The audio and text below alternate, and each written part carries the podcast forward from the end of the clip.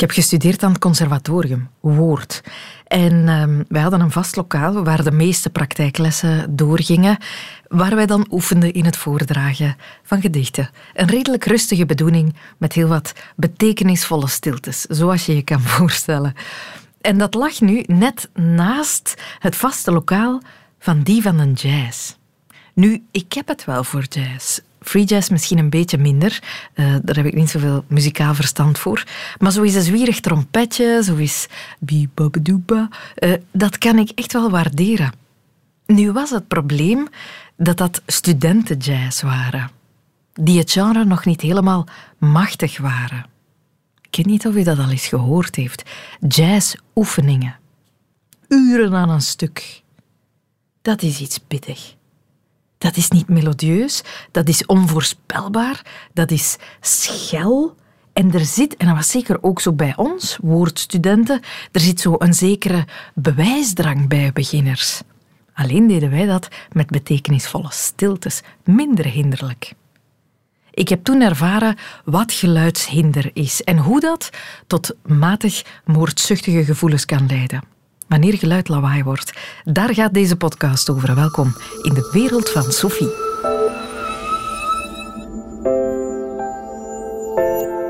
Er is een nieuwe rage. Je hebt er misschien al van gehoord. Padel. Padel is een soort mix van tennis en squash en is sinds corona en de nood van mensen om dicht bij huis en buiten sportief bezig te zijn zot populair. Padelveldjes poppen overal op, zijn dan meteen wekenlang volgeboekt, van s morgens vroeg tot s avonds laat. Tof voor wie het graag speelt. Aan de andere kant, letterlijk en figuurlijk, is het intussen minder tof. Aan de andere kant van het padelveldje. Want dat padellen, dat gebeurt niet geruisloos. Dat balletje tikt. Ria Vertomme woont al meer dan 50 jaar in het huis van haar ouders met een prachtige tuin in de natuur tussen de weiden en de velden in Rumst en naast de tennisclub, waar recent drie padelvelden opengingen. Ria luistert sindsdien van s morgens vroeg tot s avonds laat naar dat tikken, tot ze er zelf getikt van wordt. Reporter Roodveld ging op pad. 50 centimeter en het terrein ligt er al. Hè. Dus ik vind het een agressiever spel. Tegenover tennis, dat is trager ook. Hè. Dat is een slag tennis, dan komt hij aan de andere kant. Padel is pop, pop, pop. De ondergrond is al anders. Hè. Dus tennis is gravel. Nu is dat uh, een soort uh, waterdoorlaatbare beton.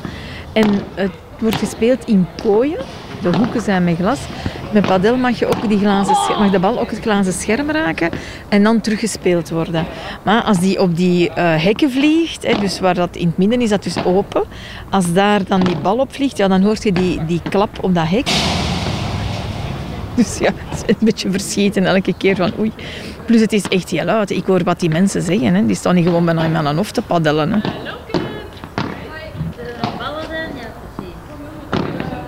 Hoort altijd wel iets, de strade ligt hier niet zo ver af. Achter mij is een KMO-zone. Daar komen ook uh, af en toe lossen en laden. Um, en vroeger tennis, ja, dat was eens een keer eh, een paar uurtjes overdag en wat s'avonds. Maar nu zit echt van 8 uur s morgens ononderbroken tot 10 uur s'avonds. Het is echt niet meer doenbaar. Wij zijn elk weekend proberen wij weg te gaan. Maar op lange termijn is die niet houdbaar. Hè.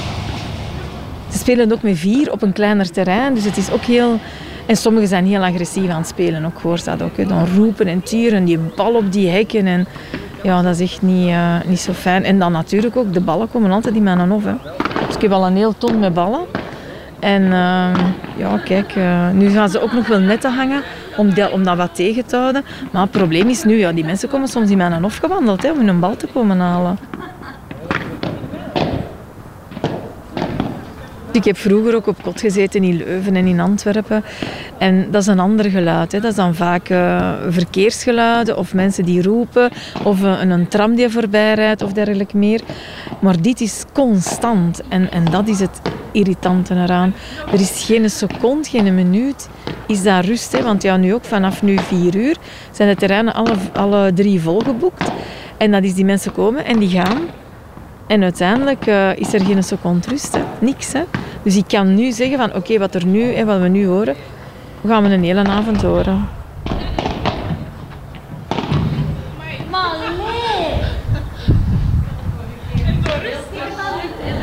Ik zit met een enorme koortsblaas. Mijn bloeddruk is naar boven gegaan, dus ik heb heel veel stress. Wij zitten nu altijd met de deuren dicht. Ramen dicht, deuren dicht en toch hoort het nog zo. En dan zegt de eigenaar, ja maar je hebt geen dubbel glas. Jawel, ik heb dubbel glas. Oké, misschien is mijn huis niet zo goed geïsoleerd. Maar uiteindelijk, het is echt een heel, heel fel geluid. Ik hoor het echt heel hard. Ik zie de kat hier ehm, in de veranda liggen, voor het raam. Heeft die er last van? Ja, uh, we hebben een aantal katjes. En die beestjes die, ehm, die komen tegenwoordig alleen maar na tien uur buiten. Oftewel s morgens vroeg, dan is hier ook nog niemand. In de week, het weekend wel. En nu liggen die meestal ergens eh, in een nestje binnen, in afwachting van. Of ze gaan op het einde van een tuin liggen, daar hoort je het ook minder uiteindelijk.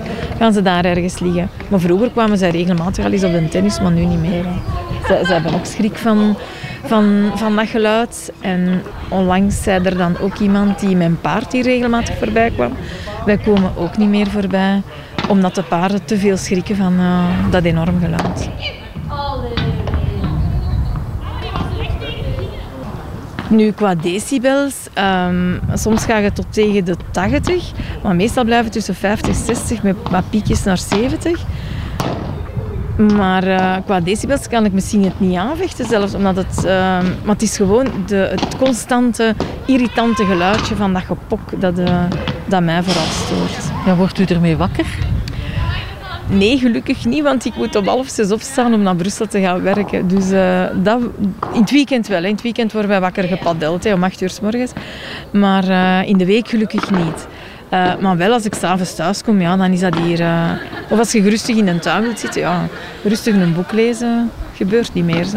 Ik deed regelmatig al eens een familiefeest voor corona. Ik denk dat ik ergens anders een locatie ga moeten zoeken, want ik denk niet dat we elkaar nog gaan verstaan op het familiefeest.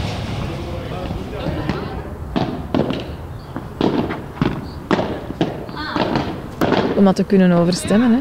Zetten wij ons muziek harder, maar wat ik ook niet fijn vind, want ik heb dan ook zelf tinnitus. Dus voor mij is dat heel vervelend dat ik nog hardere geluiden moet horen. Het zit zodanig in mijn hoofd dat ik dat eigenlijk niet wil, die, die padel. En ik kom thuis en dan hoor ik het. En dan begint dat terug. En dan denk ik, oh, het is weer bezig. Of, of ik ben dan boven bijvoorbeeld. Ik werk ook af en toe eens thuis. En dan ben ik in mijn bureau. Dat is juist dus de kant, de voorkant, maar langs de kant van, uh, van het padelterrein ook.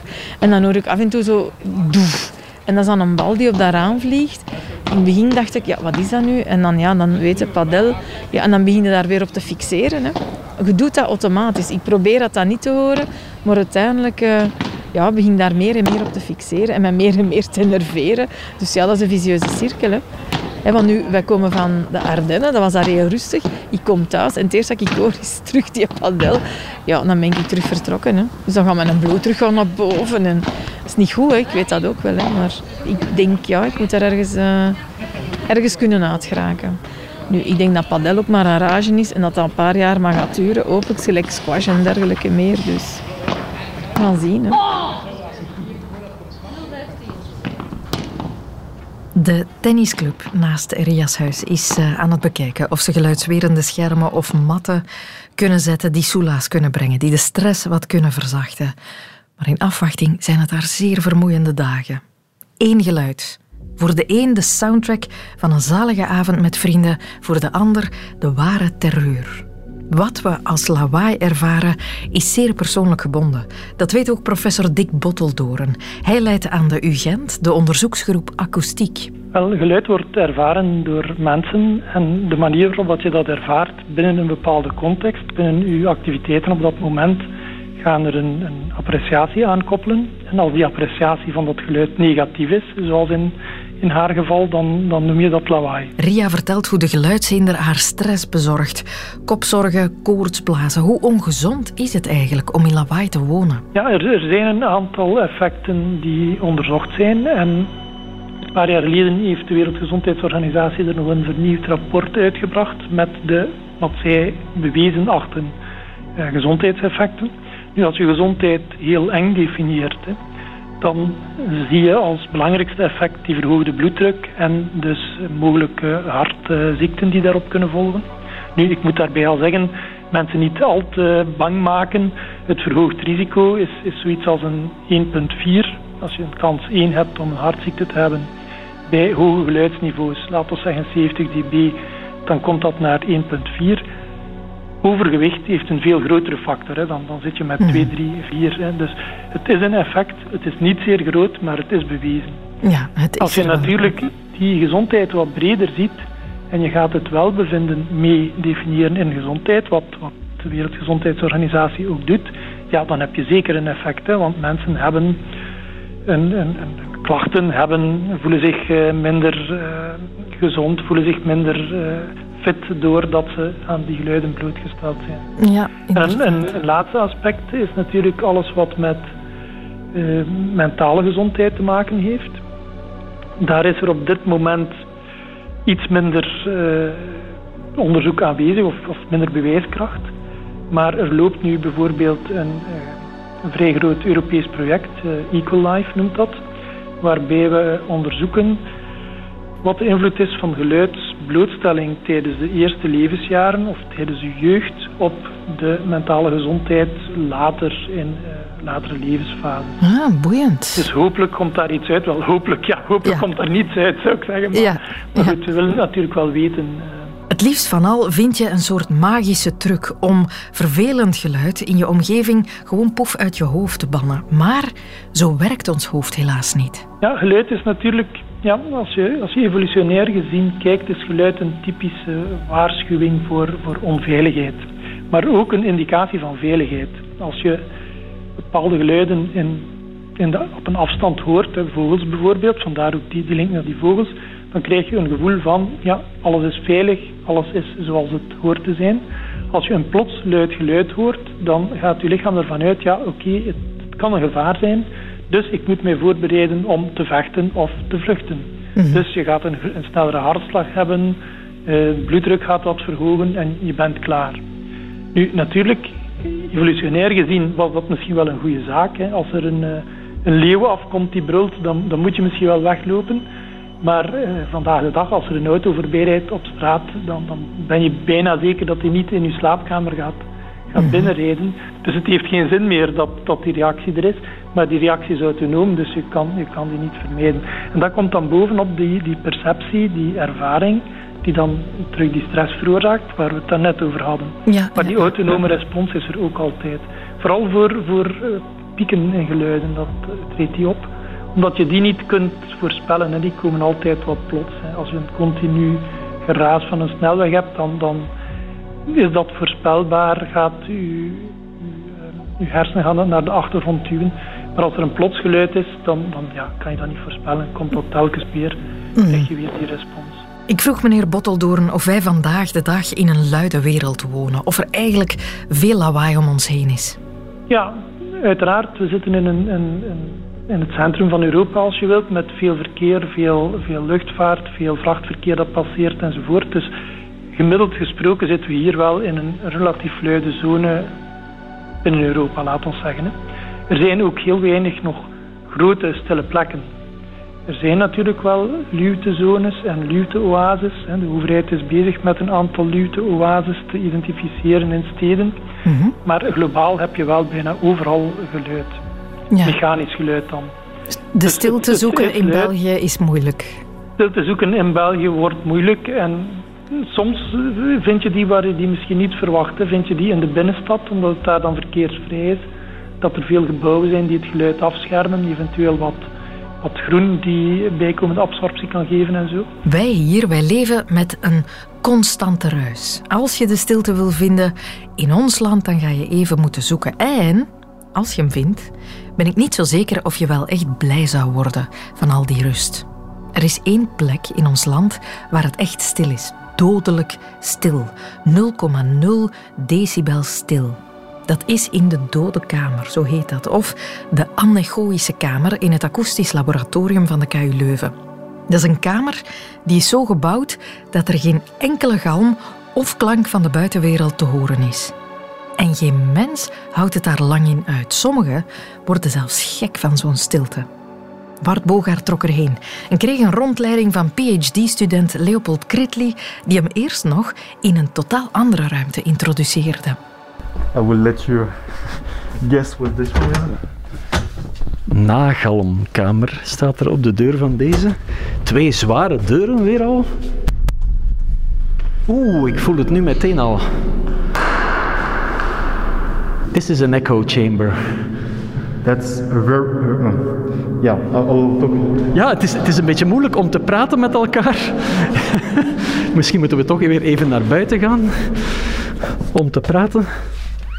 So that's, that's what we call reverberant rooms, like a church, a big, big, big church.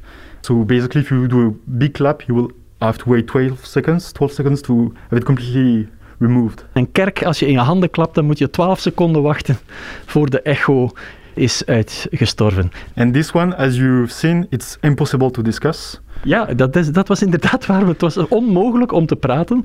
So this room is, I would not say punishment, but actually it was used during the war by the Russians, for example, to do like torture and stuff like that. Hij werd door de Russen gebruikt, zegt hij, als een soort martelkamer. Niet deze, maar hij werd dus gebruikt om mensen te martelen. Omdat, yes, because every sound was reproduced. Yeah, exactly. In every point of the room, you have the same sound at every time. What are you doing now? You- You're building up towards the anechoic room. That's what you're doing with me now. Here, like to show the exactly opposite, then you will hear, let's say, the, the real difference. And I will appreciate noise, Yeah, yeah. noise afterwards. Yeah, de- de- definitely. But also, you will see the anechoic chamber. It's disturbing. Some people can feel dizzy or Hij is dit aan het doen om mij eerst eens het absolute tegenovergestelde te tonen, om dan, als ik in de dode kamer ben geweest, mij opnieuw geluid te leren appreciëren. Want mensen worden soms in die dode kamer worden soms duizelig. Daar gaan we. Nu ben ik wel een klein beetje nerveus aan het worden.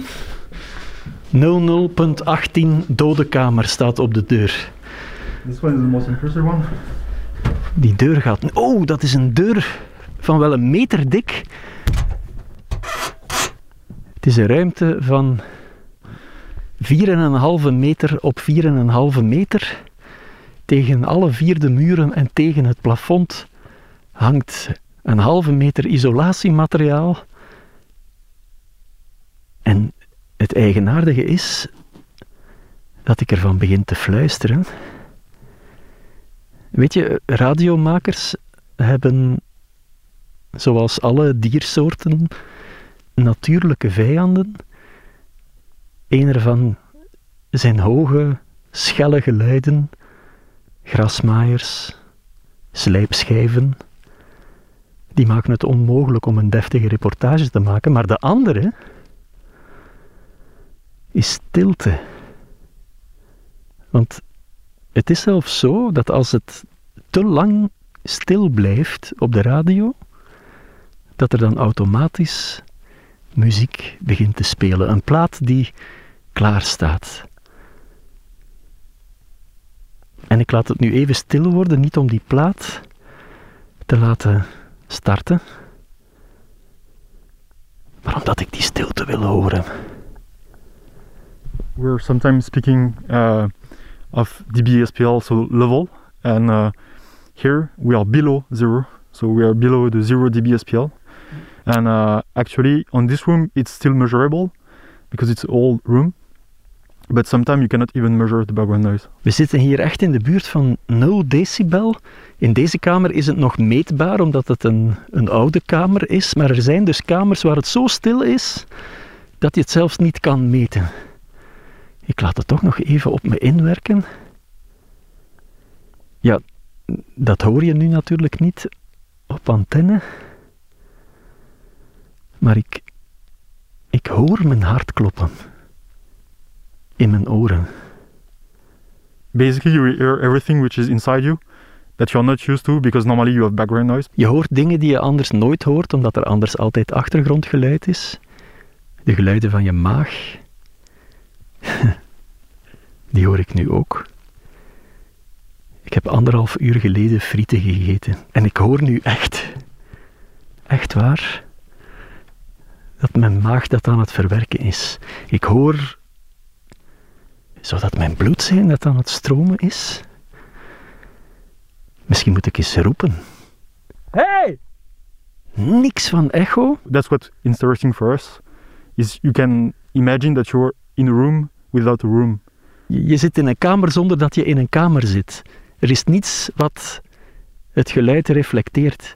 normally when I teach, for example, people say like, "But could you make a nap here, or like just rest a bit because it's so quiet?" But the human being is not used to this level of quietness, and so it's a bit weird and it's difficult like to rest in, in this kind of place. Veel mensen denken dat dit de ideale plaats is om een dutje te doen. Maar mensen zijn daar helemaal niet aan gewend. En dat is het dus echt niet. Ik kan nog even luisteren naar de stilte. Would you care to leave me alone for, for two or three minutes? En nu zit ik hier alleen. Nu hoor ik mijn hart kloppen in mijn hoofd. Bonk, bonk, bonk, bonk. Ik hoor van alles dat ik nog nooit gehoord heb. Terwijl ik adem, hoor ik het lintje van mijn opnametoestel dat rond mijn nek hangt. Hoor ik dat lintje tegen mijn touw schrapen. In mijn maag is van alles en nog wat aan de gang. Bonk, bonk, bonk, bonk, bonk. Er zijn verhalen over mensen die hier beginnen te hallucineren. Dat is het voorlopig nog niet bij mij. Maar ik voel toch nu al dat ik het hier geen uren zou volhouden. Dit is een akelige plek. Ik wil eruit. What is that sound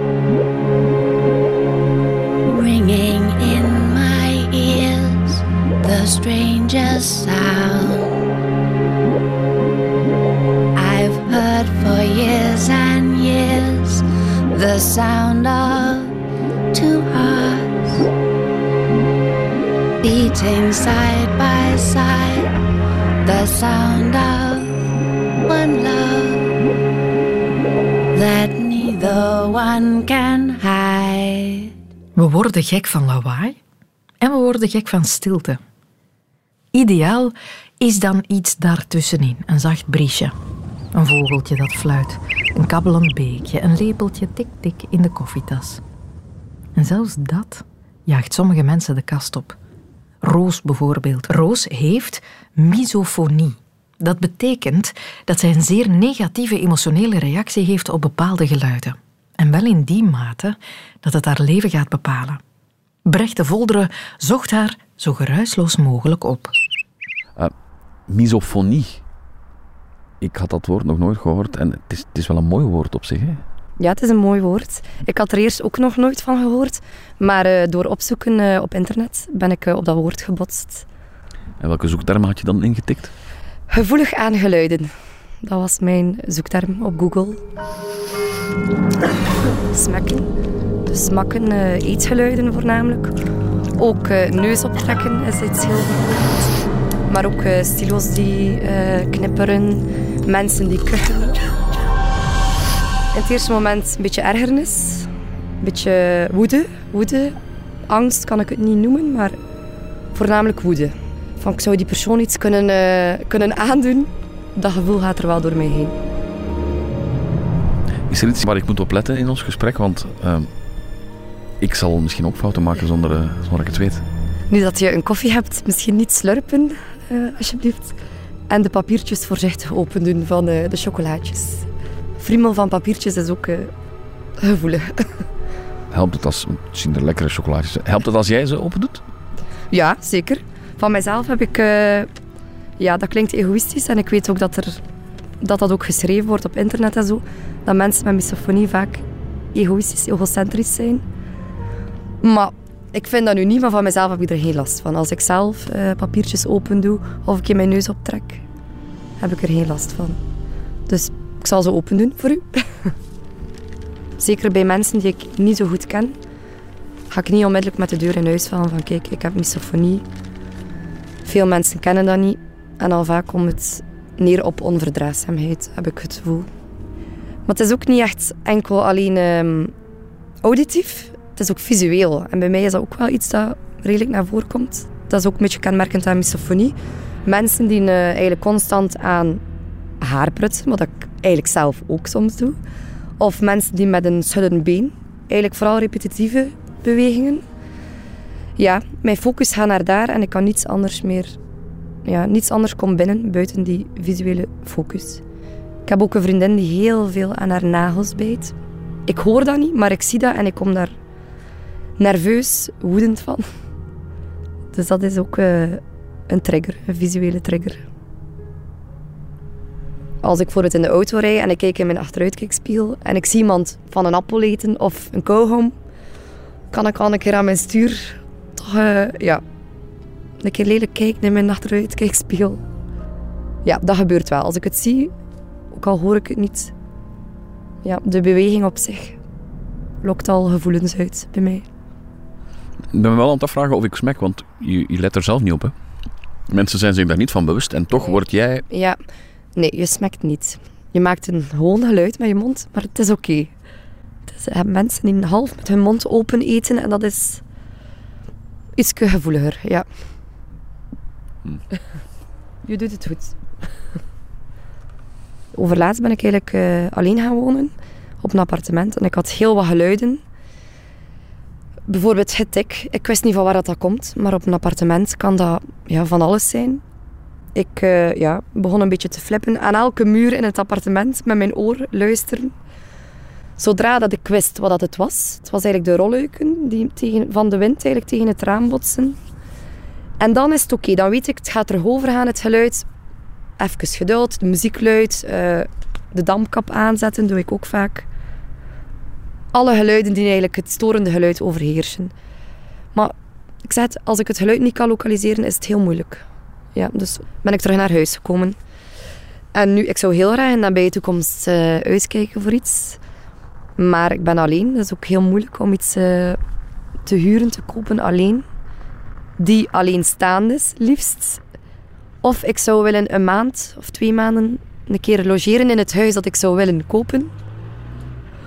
Om te kijken, lukt dat hier wel. Want ik weet dat er geluiden... Je kunt dat niet met één bezoek. Ja, je hebt het niet onder controle. Je weet niet wanneer dat iemand zijn tv aanlegt.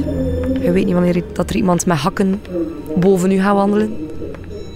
Je weet niet wanneer dat de lift open en toe gaat. Dat hoorde ik ook. Een vergadering. eh ik kom toe. Er staat een doos met koekjes, koffietassen.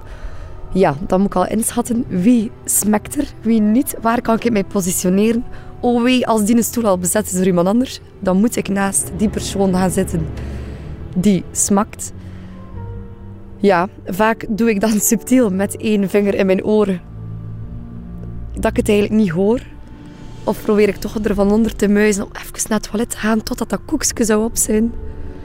Ook bij familiefeestjes hetzelfde.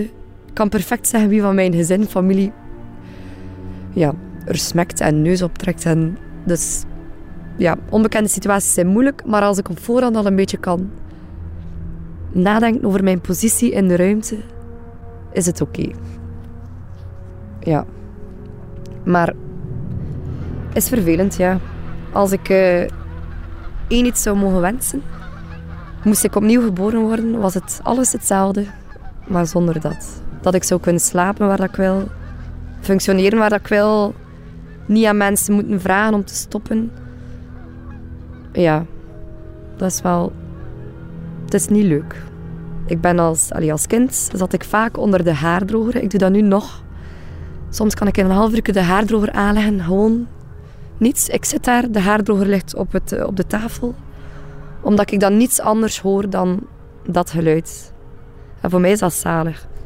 Maar ik weet dat mijn vader dan een keer kon... eh, de rekening, de rekening.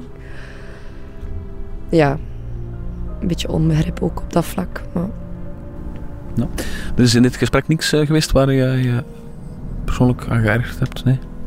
nee, eigenlijk niet. Nee. Ik heb nog koffie, hè. Dat kan hoor. Het kan nog, het kan nog komen. Nee. Het is... Maar ik ben nu geen eh, slurper. Ik was even smekken, maar... Ja, dat was even smekken. Maar oké, ik weet dat je straks weg bent. dat ik mij even kan afzonderen. Roos heeft misofonie. Terwijl de een niet opkijkt van een trein die door zijn achtertuin dendert, krijgt de ander boebels van een tikkende bik. Wanneer geluid lawaai wordt, dat ligt voor iedereen anders.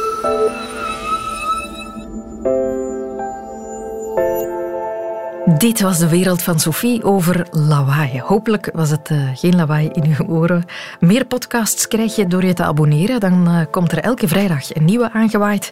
En je hoort ons natuurlijk ook elke weekdag tussen 10 uur en 12 uur op Radio 1. Heel graag tot gauw. Dit was een podcast van Radio 1. Ontdek nog meer podcasts van Radio 1 in onze app en op radio1.be. Radio 1. Altijd benieuwd.